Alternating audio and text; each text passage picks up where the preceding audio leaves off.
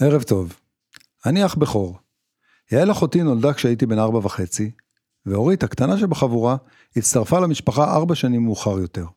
שלושה בסך הכל. משפחה אשכנזית.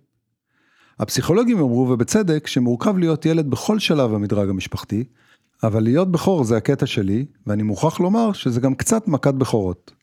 מצד אחד, ארבע וחצי שנים גדלתי כבן יחיד, בלי צורך לחלוק את תשומת הלב של ההורים הנלהבים, המאושרים מעצם היותנו משפחה.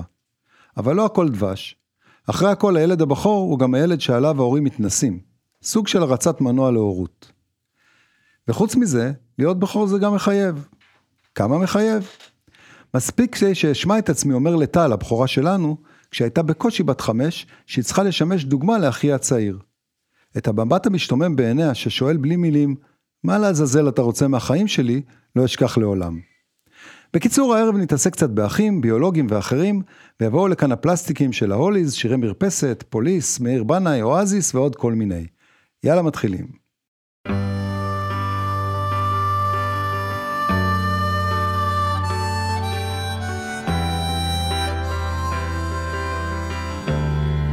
The road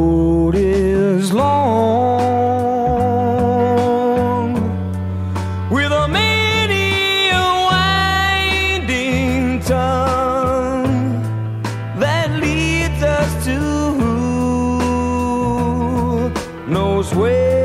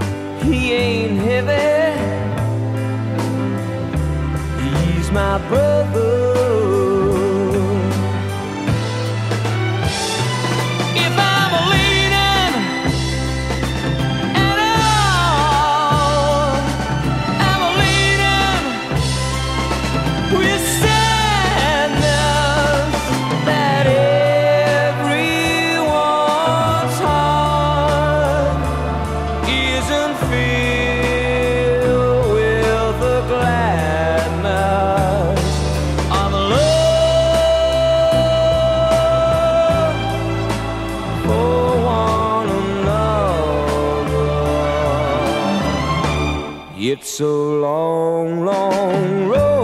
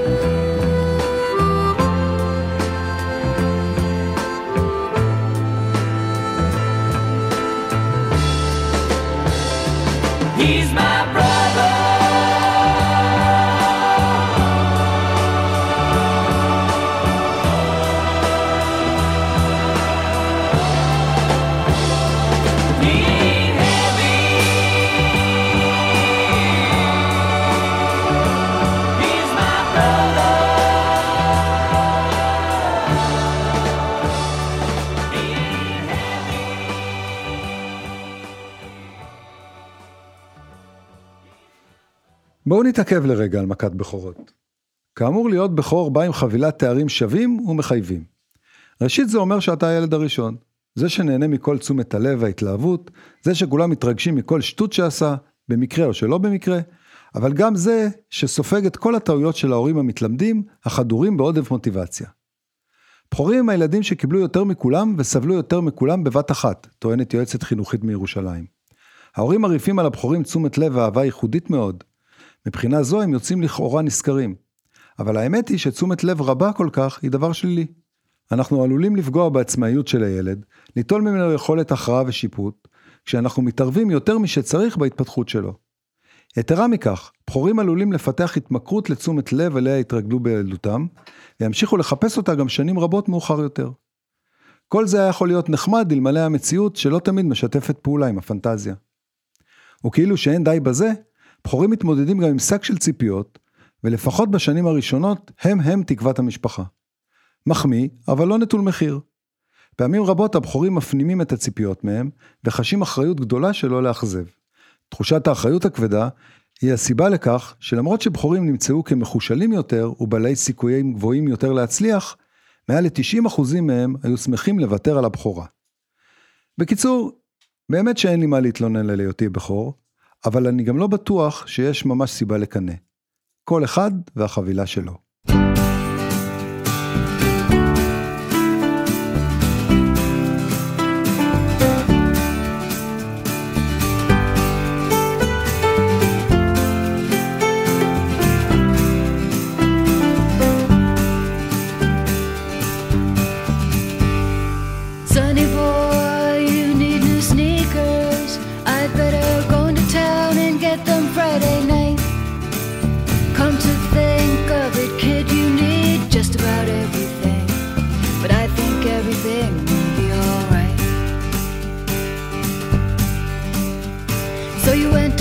Yourself back into trouble.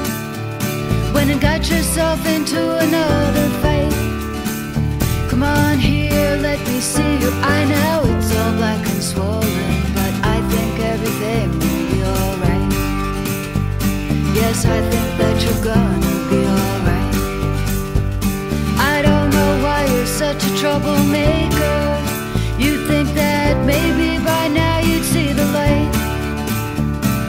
Getting yourself torn up, boy, and we don't have much money. But I think everything will be alright. Yes, I think everything will be alright.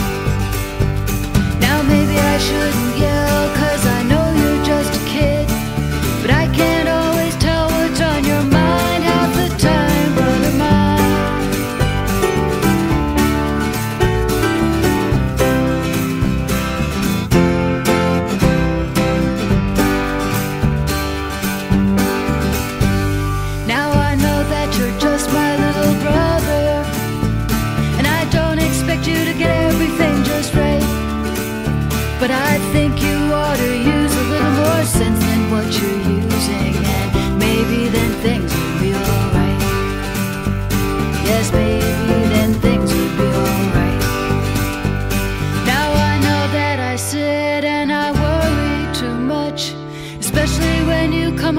such a. But I guess what you got to do, boy, you go ahead and do it. And I sure hope things will be alright. Yes, I hope everything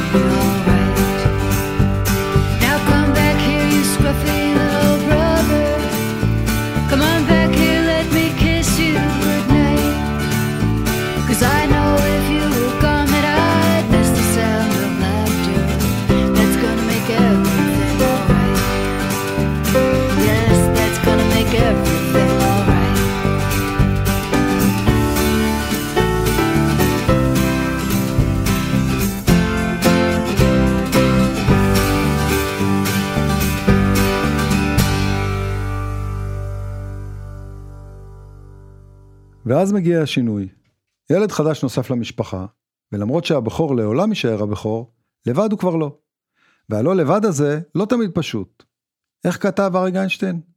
יש לי אח קטן שלא מזמן בא לעולם, לא מדבר ולא הולך, אח קטן. עיניים לא תכולות, גם צוחקות וגם בוכות, אף כפתור, טלטל זהוב, וחיוך מתוק אהוב. וכולם אוהבים אותו, איתו הם משחקים.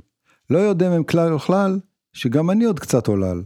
וכולם אוהבים אותו, אותי הם שוכחים. כי אני כבר קצת גדול לגדולים. ככה זה בחיים, אין שחור ולבן. המאורע המשמח מאוד של הצטרפות ילד או ילדה והרחבת המשפחה, עלול להיות מאתגר מאוד לבכור, שמשנה באחת את הסטטוס מבן יחיד לאח בכור. ואל תטעו, לא מדובר בסמנטיקה בלבד. תשומת הלב המלאה שהייתה נחלתו הבלעדית כבן יחיד, נשללת ממנו חלקית עם הפיכתו לבכור. יש הטוענים כי מנקודת מבטו של הבכור, כניסת ילד נוסף למשפחה, משולה כהכנסת פילגש צעירה לבית בו עדיין מתגוררת האישה הראשונה הנבגדת. מחשבות פוטנציאליות כמו אולי אני כבר קצת גדול לגדולים, עלולות להוביל לשאלות מאיימות כגון כמה בכלל מרוצים ממני, והאם עדיין אוהבים אותי, או שאולי החדשניק הזה בכלל מוצלח יותר ממני. האתגר המשפחתי עלול להיות גדול עד כדי כך שהרשת מלאה בעצות וטיפים להורים רגע לפני הרחבת המשפחה. מצד שני, מרבית הבחורים מסתגלים לסטטוס החדש, מבינים שהצעצוע החדש כאן כדי להישאר, ולפיכך כדאי להסתגל לנוכחותו. חלקם אפילו לומדים לאהוב את האח הקטן או האחות הצעירה שהחסידה הביאה. כזה הוא מאיר בינאי שכתב לאחיו, אביתר מתגלגל בדשאים, אביתר נושם את הצבעים, אני אוהב אותך אביתר, אחי הקטן. אמנם השיר נכתב כשאביתר היה בערך בן תשע, אבל אל לנו להסיק מזה שנדרשו למאיר תשע שנים של הסתגלות.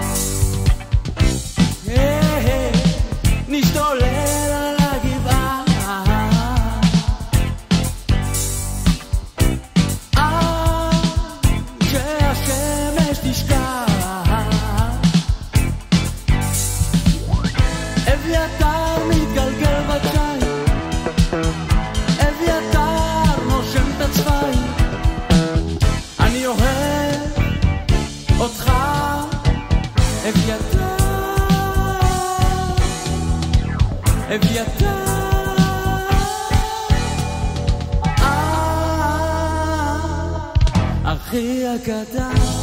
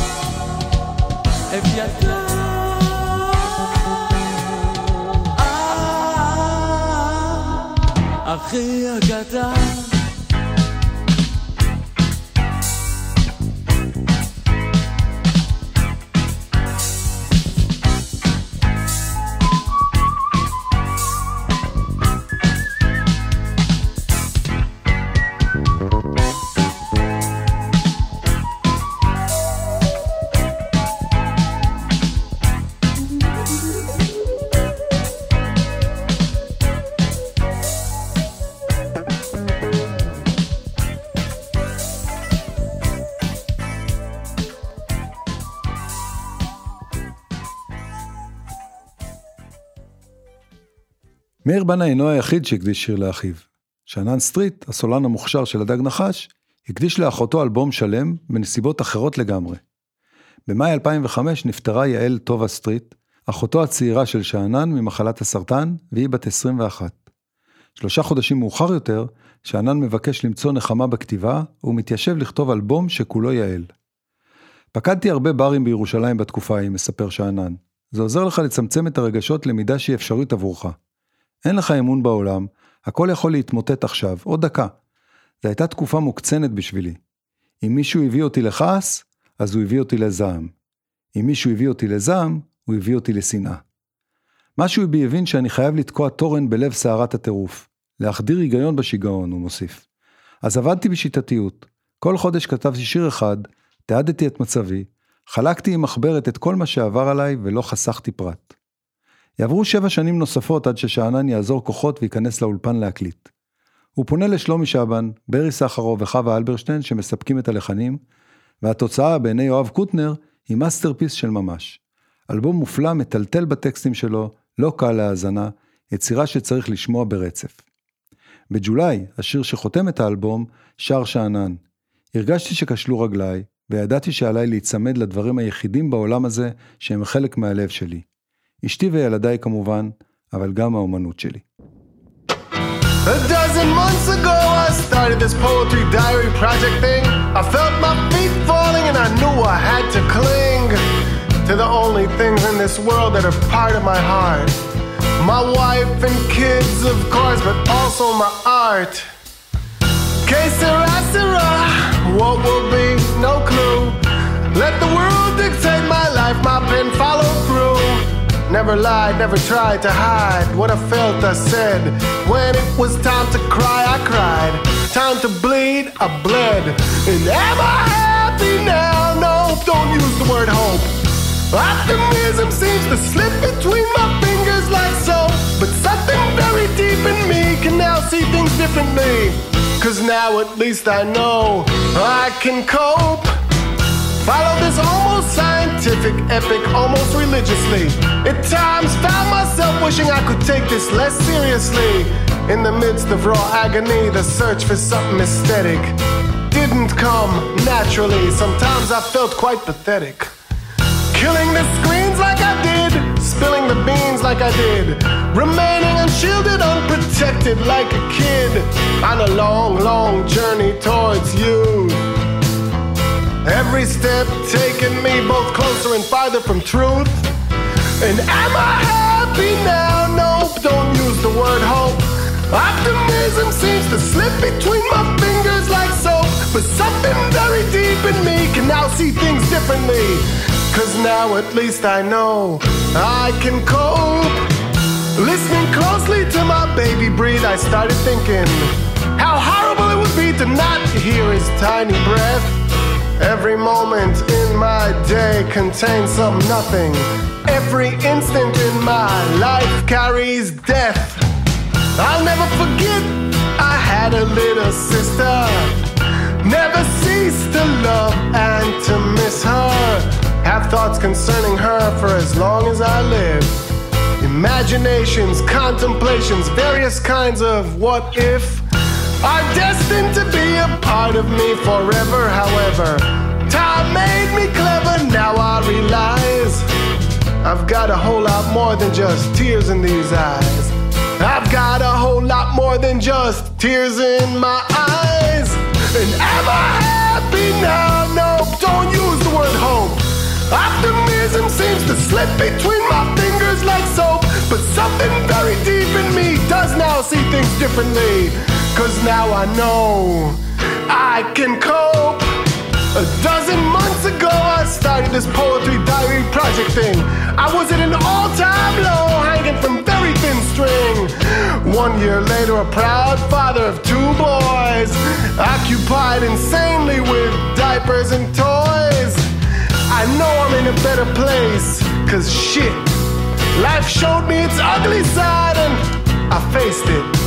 Only once in a while, I get weak in the knees. Tovaya L Street, rest in peace, please.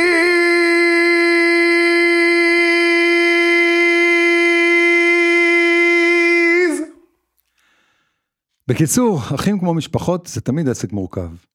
והמורכבות גדולה אף יותר במקרים שהאחים מגיחים לעולם יחד. הראשונים להבין את זה זה ההורים, בשכלם או דרך הרגליים. אומרים שלגדל תאומים זה הרבה יותר משתי משרות. די אם נידרש לאפשרות בו התאומים החמודים אינם מסונכרנים ביניהם בשעות השינה, כדי להוכיח את הטענה. אבל גם עבור התאומים עצמם העסק עלול להיות מורכב. לא פשוט לחיות בהשוואה מתמדת מהרגע הראשון, בעיקר אם נדמה לך שאתה הפחות מוצלח מהשניים. ממילא אנחנו נמצאים בהתמודדות תמידית על מקומנו בעולם, משווים את עצמנו, מודדים הצלחה ביחס לאחרים, כולל בני משפחה. אז אח או אחות תאומה? איך אפשר להימנע מהשוואה אל מי שנראה כמוני, שגדל באותה המשפחה ובאותם התנאים? אני אספר לכם טיפה על עצמי, יש לי אח תאום, לא אמרתי את זה קודם, עכשיו אני אומר? כן, אני יודע, זה גועל נפש, כי יש שניים כמוני, אבל אם היינו תאומות זה היה מגניב. למה? גבר רואה שתי תאומות, נמחק לו השכל. גבר רואה שתי תאומות כזה... ארבע ציצי אותו דבר. איפה? בחורה רואה אותי ואת אחי אומרת כזה, אה? שלוש גבות. כי אחי מוריד באמצע. לא חשוב. בקיצור, אין לי עוד אחים, יש לי רק אח אחד, אחי התאום, קוראים לו אסף. ותכל'ס שיש לך רק אח אחד, אתה לא באמת צריך להיות ילד טוב. אתה צריך להיות ילד טוב קצת יותר ממנו. לא משנה אם אני עושה משהו לא בסדר, אני מפיל על אחי שקר ויוצא חלק. סיפור אמיתי. ההורים שלי תפסו אותי מעשן סמים. אבא שלי נכנס אליי לחדר, רואה אותי עם ג'וינט ביד, מתחיל לצרוח עליי, אתה לא מתבייש, מה אתה עושה? אני ברגעים כאלה לא נלחץ. גם לוקח שחטה כזה. אסף הומו. שנייה אחרי זה אבא שלי, תביא שחטה גם, תביא. מצד שני, יש גם כמובן יתרונות. הנה מה שכתב איציק שמולי, אח תאום לישראל, ביום בו אחיו עלה בדרגה. להיות אח תאום זה לראות את העולם בכל רגע נתון מתוך נקודת מבט אחת נוספת לפחות, ולחשוב מה הוא היה אומר או עושה. להיות אח תאום זה לקבל משהו ולחצות אותו מיד לשניים, כי כשהמצב הפוך זה יקרה אפילו פעמיים. להיות אח תאום זה להרגיש שהעולם אמנם מלא בחברים טובים, אבל יש אחד שהוא מעל כולם. תמיד נמצא שם בשבילך, בלי שתצטרך לבקש או להסביר במילים. מספיק שיתחלפו המבטים. אחד מסיפורי התאומים המדהימים ביותר, תועד ב-2018 בסרט התיעודי שלושה זרים זהים. סיפורם הלא ייאמן של שלישיית בנים אמריקאית, שנמסרו לאימוץ בגיל שישה חודשים על ידי שלוש משפחות שונות, שכלל לא ידעו שכל אחת מהן מאמצת ילד שיש לו אחים. אגב, הסיבה להפרדה הלא אנושית הזו, הייתה מחקר מדעי סודי, הבוחן את השפעות של תורשה לעומת סביבה בקרב תאומים. לא להאמין.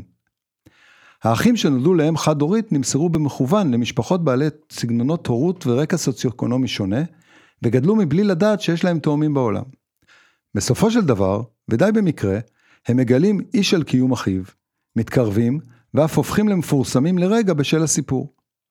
הסרט מספר את סיפורם המדהים של האחים, ומעורר לא מעט אי נוחות מול השאלות המוסריות העולות מהמחקר המפוקפק, שתוצאותיו אגב לא פורסמו מעולם.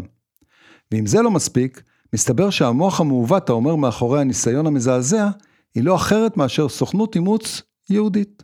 אלוהים ישמור. אני מקווה שלא לזה מתכוונים כשאומרים שהמוח היהודי ממציא לנו פטנטים. ועכשיו, איך מחברים סיפור על שלישיית תאומים מאמריקה, עם שיר נפלא של הסטונס על מכור להרואין, הממתין למותו הקרוב ומבקש מעט נחמה מסיסטר מורפין. מניח שפשוט תאמץ את הקלישאה החדשותית ואומר, ועכשיו במעבר חד.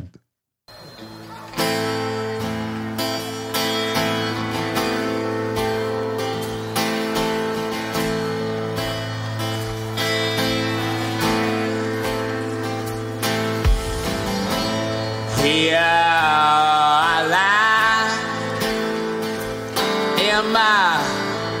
hospital bed. Tell me, Sister Morphine, when I uh, coming round again? Oh, and I don't think I can wait that long.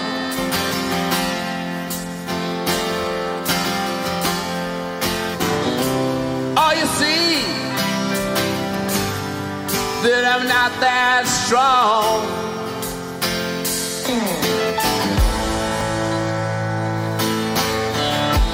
Ah,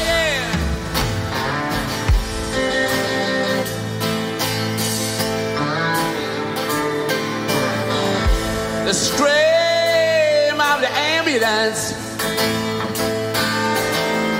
it sounded in my ear. Come on now, Sister Morphine. How long have I been lying here?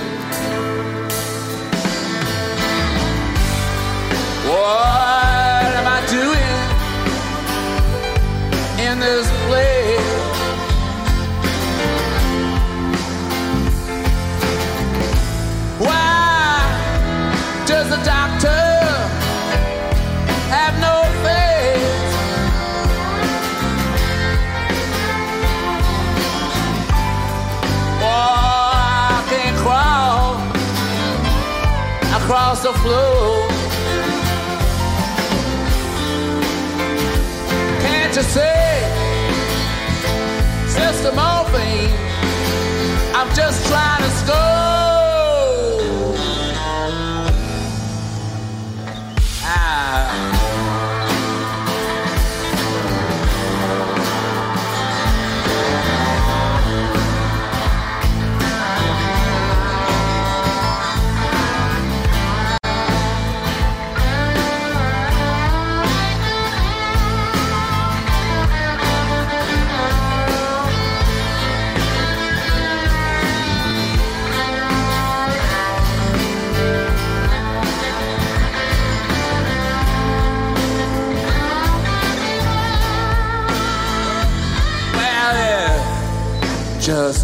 Goes to show things are not what they seem. Plays Sister Morphine to my nightmares and to dream. Oh, can't you see? I'm fading fast.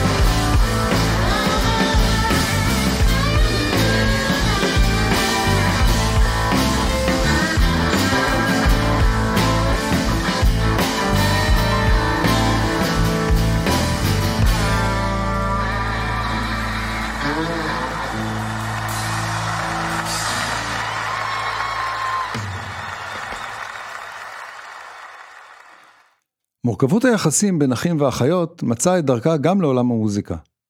לא מעט הרכבים התהדרו בייחוס משפחתי. הג'קסון 5, Jonas Brothers, Dire Straits, ה Carpenters, ה Bee Gees והרכבים נוספים רבים. דווקא ההרכב הישראלי העונה לשם האחים והאחיות אינו כזה. אחד משיתופי הפעולה המפורסמים והמוצלחים בין אחים בהרכב רוק הוא סיפורם של ליאם ונואל גלאגר מ Oasis. סיפור לא פשוט עוד מראשיתו. ליאם מקים הרכב בשם ריין, ונואל מסכים להצטרף בשני תנאים. הוא יהיה הכותב היחידי של השירים, ושמה של הלהקה ישונה לאואזיס. החברים מסכימים, והעסק עובד מצוין במשך 18 שנה, כשהם מוכרים מעל ל-70 מיליון אלבומים, ונחשבים ללהקה הגדולה ביותר בעולם בשנות ה-90. כמה גדולה? באוגוסט 1996 הם מופיעים פעמיים באותו היום, בפני קרוב ל-400 אלף איש, כשהביקוש עמד על לא פחות מ-10 מיליון כרטיסים. לא יאמן. באוקטובר 2008, אחרי שינויים בהרכב הלהקה, ובקיאים ראשונים ביחסי האחים לבית גלגר, הלהקה מוציאה את האלבום השביעי, Dig Out Your Soul, ויוצאת לאחד מסיבובי ההופעות הגדולים אי פעם. טור של 18 חודשים, מרביתו סולד אאוט בפני מאות אלפי אנשים. ואז לקראת סוף הסיבוב, רגע לפני העלייה לבמה בפריז, מתפתחת קטטה של ממש בין האחים, ומנהל הלהקה מודיע על ביטול המופע. שעתיים מאוחר יותר מופיעה הודעה מטעמו של נוהל בעמוד הרשמי של הלהקה, בצער רב ובהקלה גדולה, עזבתי את אואזיס הלילה. אנשים יכתבו ויגידו מה שירצו, אבל אני פשוט לא מסוגל להמשיך לעבוד עם ליאם, ולו יום אחד נוסף. מאז עברו מים רבים בתמזה, ליאם התנצל בפני אחיו, אבל עד האיחוד לא מייחלים מעריצי אואזיס, האחים לבית גליגר כנראה מעדיפים להסתכל אחורה בזעם.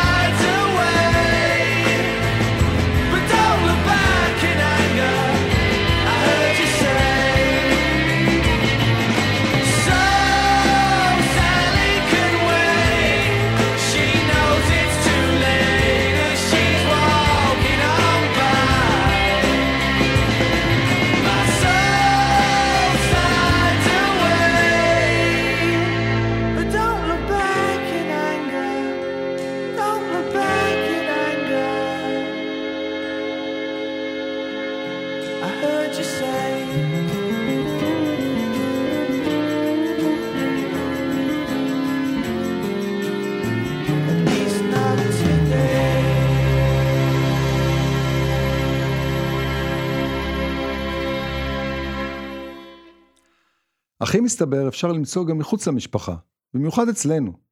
כל יום מביא איתו אח חדש. איש זר בדרך כלל, שאין לי מושג ירוק מיהו, שבכל זאת מתעקש לקרוא לי אחי. צורת פנייה משונה, של גברים בדרך כלל, שמבטאת את חוסר הפורמליות התרבותית שלנו בקודש, ואם לדבר גלויות, גם יצא כבר מכל החורים. הפכנו אחים, זהים, ההפך המוחלט מלכל איש יש שם. כנראה שאין צורך, שם זה לחלשים. רוגר אלפר, מבקר הטלוויזיה של הארץ, מצטט את מוסוליני שקבע כי במדינה הפשיסטית אין מדכאים את היחיד, אלא מכפילים אותו. אני אחי, אתה אחי, הוא אחי, כולנו אחי. ואני תוהה, מתי הפסקנו להתעניין זה בשמו של זה? מתי הפסקנו לכבד? ולמה בכל פעם כשאומרים אחים אנחנו, יש לי הרגשה של ניסיון מגושם לטשטש תהום עמוקה? איתן לשם, אף הוא כתב בהארץ, טען שהשימוש באחי נועד בעיקר לאפשר לנו הגברים לפתוח בשיחה ולרכך את הבקשה שאו-טו-טו תגיע. אחי, תעשה טובה. אחי, אתה סוגר לי את הפינה? אחי, יש לי בקושי שלושה דברים, יש מצב אתה נותן לי לשלם לפניך? גברים אגרסיביים, עצבניים וצועקים, אבל מקפידים על אחי מנומס רגע לפני הלטמה. וכדי שלא לצאת שקופים, אנחנו מאמצים את מוחנו הגברי הקודח ומגוונים באחינו, אח שלו, צדיק, גבר, גיסנו או בעל הבית. ואנשים? הן מסתכלות בהיי, או פשוט בוקר טוב. כמה יפה ונאיבי.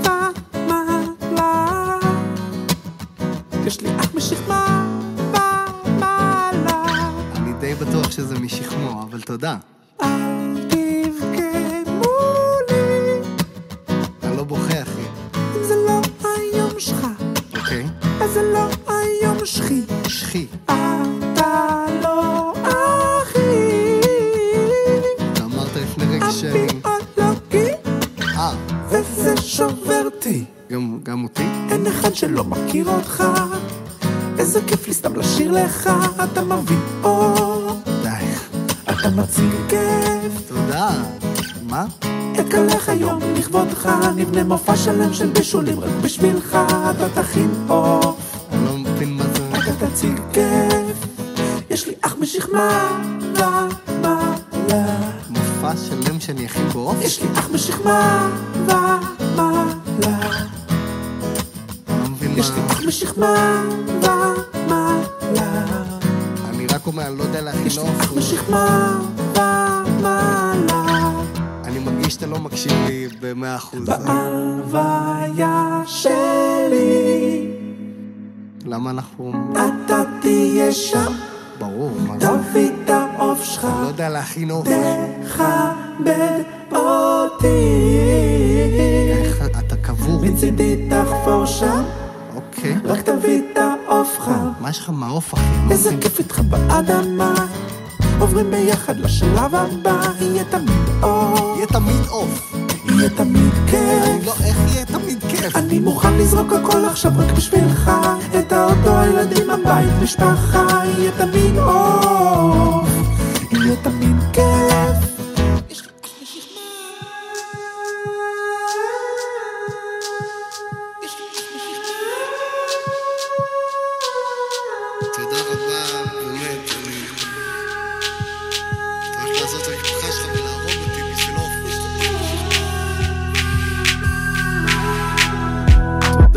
אבל אני מפחד, אחי.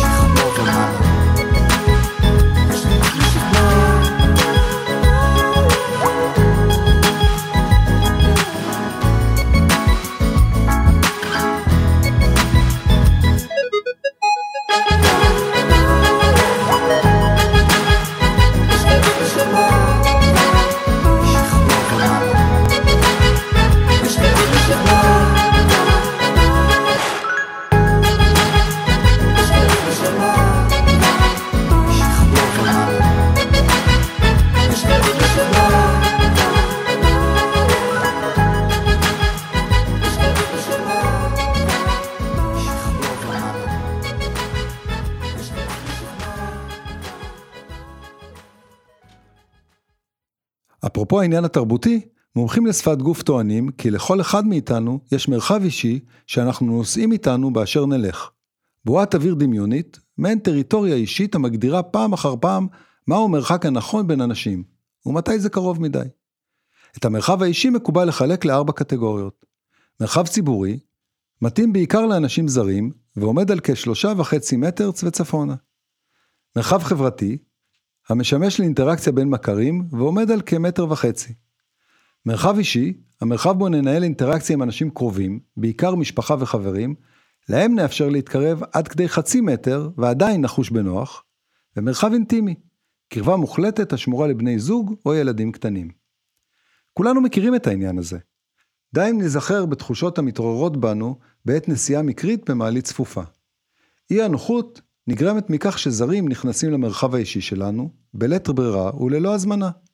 לרוב אי הנוחות הזו באה לידי ביטוי בניסיון לחמוק מקשר עין, או במבט כפייתי למספרי הקומות המתחלפים, בתקווה שסוף סוף תגיע הקומה שלנו והסיוט ייגמר.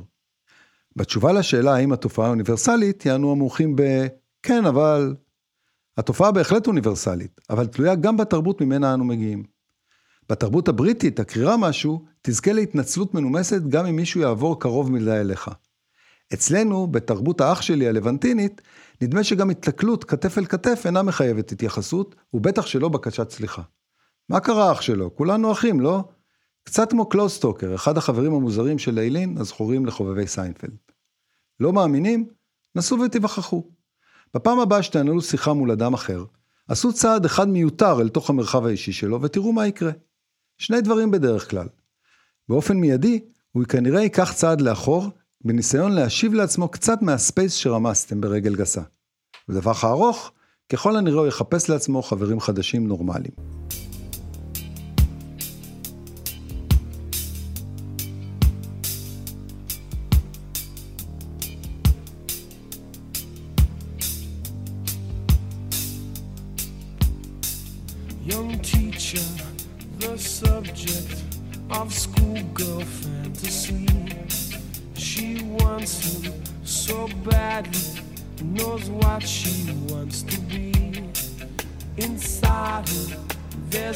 on me.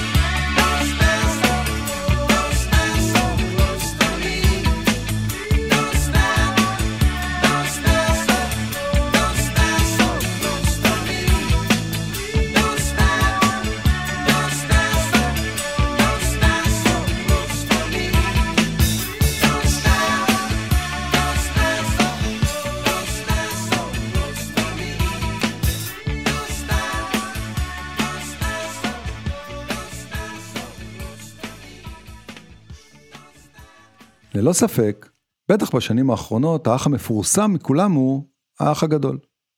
דרך ארוכה עשה האח הגדול מספרו של ג'ורג' אורוול ועד למסכי הטלוויזיה.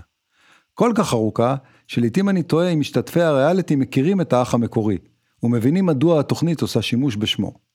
אז ככה, האח הגדול המופיע לראשונה ב-1984, ספרו של ג'ורג' אורוול, הפך מטבע לשון המתייחס למצב בו פרטים נתונים לפיקוח ולניטור מתמידים מטעם השלטון. הספר שנכתב ב-48 מציג חזון אימים על חיים בצל משטר טוטליטרי, בו כל האזרחים נמצאים תחת עינו הפקוחה של האח הגדול, השולט בסדר יומם ומחשבותיהם. האח הגדול רואה ושומע הכל. וזה בדיוק החיבור שעשו ממציאי הפורמט הטלוויזיוני. קבוצת אנשים הנמצאים תחת מעקב בלתי פוסק ומצווים להתנהל על פי גחמותיו של האח הגדול. פורמט שפותח בהולנד, הפך ללהיט ונמכר ליותר מ-70 מדינות. אצלנו משודרת התוכנית החל מ-2008, ואפילו ביום טוב קשה לראות את הסוף. ניסיתי, באמת שניסיתי. ולמרות שאני לא ממש מתרשם מטיעוני המצדדים כאילו התוכנית היא ניסוי סוציולוגי מרתק, אין לי שום דבר חשוב לומר נגד הפורמט הספציפי של התוכנית. נדמה לי שיותר מכל אני מתעייף מתוכניות ריאליטי. יש לי מספיק ריאליטי מהרגע בו אני פוקח את העיניים ועד שאני חוזר הביתה לפנות ערב. אחר כך אני מעדיף לצרוך את התרבות שלי מידי תסריטאי מיומן, במאי מוכשר וצוות שחקנים מעולה. והאח הגדול? השאלה שבאמת מדאיגה בעיניי היא עד כמה אנחנו שומרים מרחק מהמציאות שמתואר אורוול, ואני הרבה פחות מוטרד מדרמת הזכייה במיליון.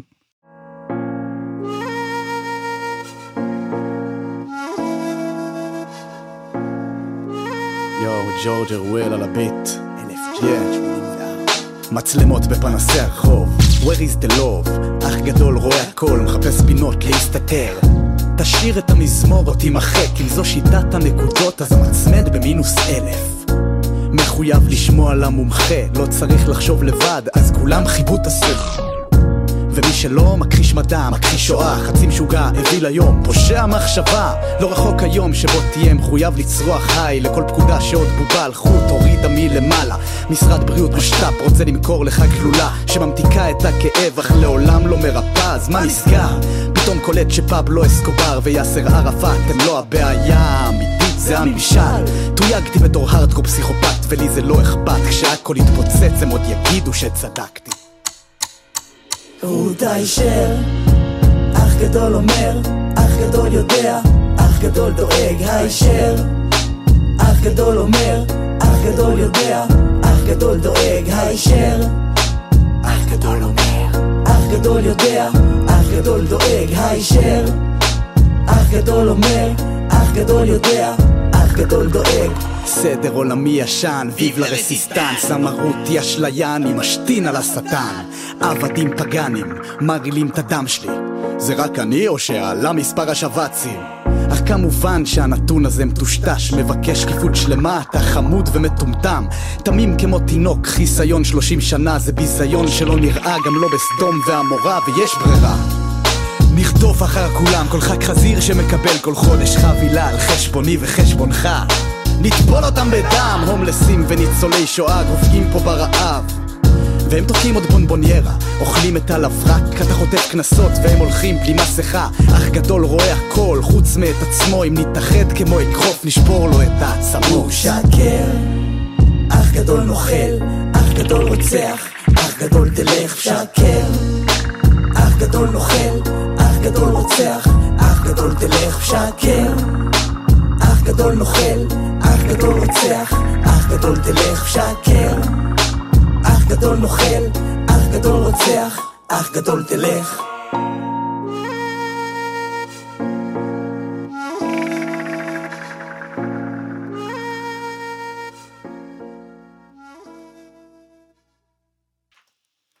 את התוכנית הערב נסיים עם האחים לנשק, המילואימניקים שנמאס להם להיות ועדת קישוט. הכינוי האחים לנשק מתייחס לרעות ואחווה בין לוחמים. פעם בהרצאה לקראת הגיוס לצה"ל, סיפרו שבצבא אתה לומד להכיר את החברים שלך לפני ולפנים, על האמת, ללא מסכות. סיפרו על האתגרים בהם ניתקל בשירות, שיחשפו אותנו עירומים מול עיניהם וליבם של החברים שלנו.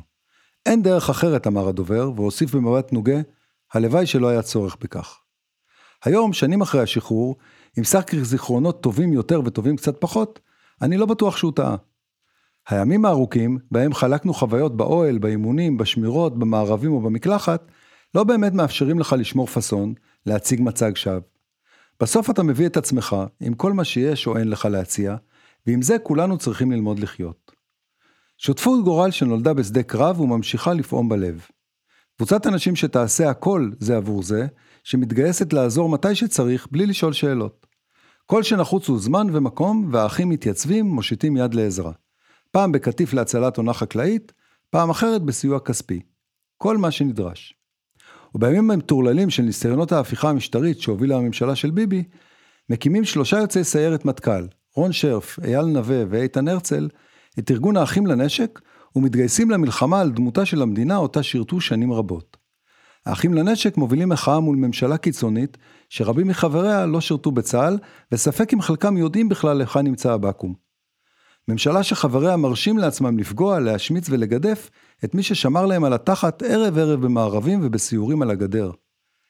ואז, בשביעי לעשירי, ישראל מופתעת ממתקפת פתע רצחנית של החמאס ויוצאת למלחמה בעזה.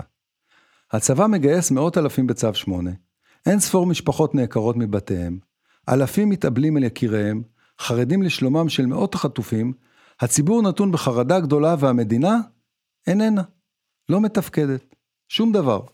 מי כן מתפקד? האחים לנשק. כן, כן, אותם בוגדים, סרבנים, אנרכיסטים, כפי שהקפידו לכנות אותם חלק מחברי הקואליציה, מקפיאים בו ביום את המחאה, מודיעים שכולם חוזרים לשירות ומתגייסים פעם נוספת. מקימים את החמ"ל האזרחי, מערך התנדבות מטורף שעושה הכל מחילוץ אזרחים מאזורי הלחימה, דרך גיוס תרומות, רכישת ציוד חסר, מערך חכם לאיתור נעדרים, ארגון עשרות אלפי מנות אוכל, בעצם מה לא? מסתבר שככה זה כשהמדינה יקרה ללבך, כשהתגייסות היא חלק מה-DNA שלך. והיום, חודש וחצי לתוך הלחימה, מצליחה סוף סוף הממשלה להקים את מנהלת תקומה, שאמורה לתכלל את המענה לעורף, ומגייסת גם מנכ"לי משרדים שכיהנו בממשלת השינוי, כי עכשיו מסתבר צריך ממש לעבוד. ומה עושה המנהלת? מבקרת בחמ"ל האזרחי של האחים לנשק כדי ללמוד איך עושים את זה נכון. בית התקליט אינה תוכנית פוליטית, רחוק מכך. ובכל זאת, קשה להבין מדוע מקבלי ההחלטות בחרו לאטום את ליבם ואוזניהם לאזהרות האנשים שבידיהם הפקדנו את ביטחוננו במשך כל שנות קיומה של המדינה. איך קרה שאותם האנשים ששמחנו בחיינו על שיקול דעתם ותבונתם, נחשבו לפתע כבוגדים? כיצד מעז אדם כמו שלמה קרעי לומר לטייסי הקרב שלנו תלכו לעזאזל? מאיפה מגיעה החוצפה של גברת דיסטל לקרוא להם נפולת של נמושות? לאן נעלמה הבושה? ובעיקר, איך הגיעו האנשים כאלה, תהיה עמדתם הפוליטית אשר תהא, להיות שרים בממשלת ישראל? ולמה לעזאזל? למה אנחנו לא שולחים אותם הביתה?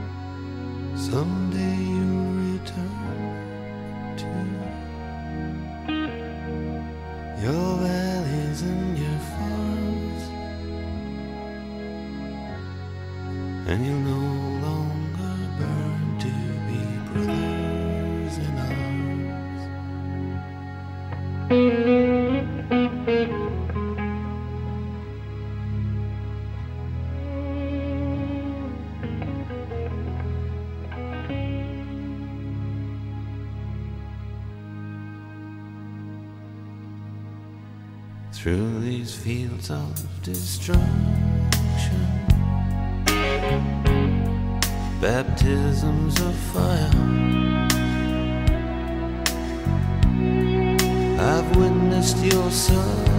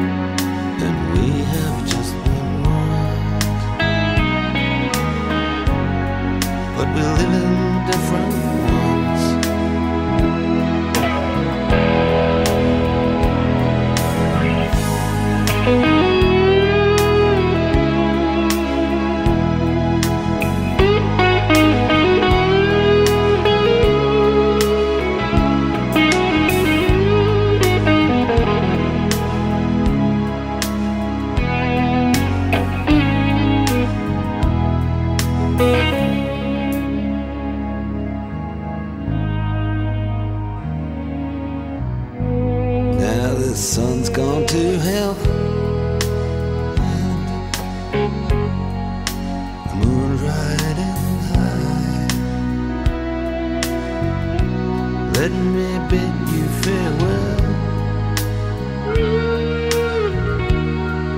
Every man has to die. But it's written in the stars. In every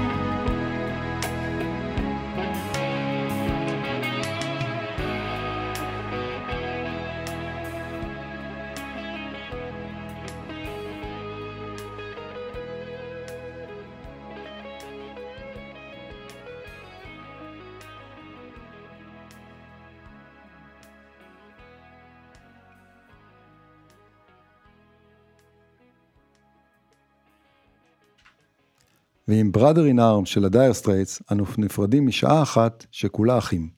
בשבוע הבא יבוא לכאן שימי קדוש עם מלא פלסטיקים מגניבים כרגיל. פיתחו יומנים ונקבע לנו דייט לשבוע הבא, בדיוק באותו היום ובאותה השעה, חמישי בעשר.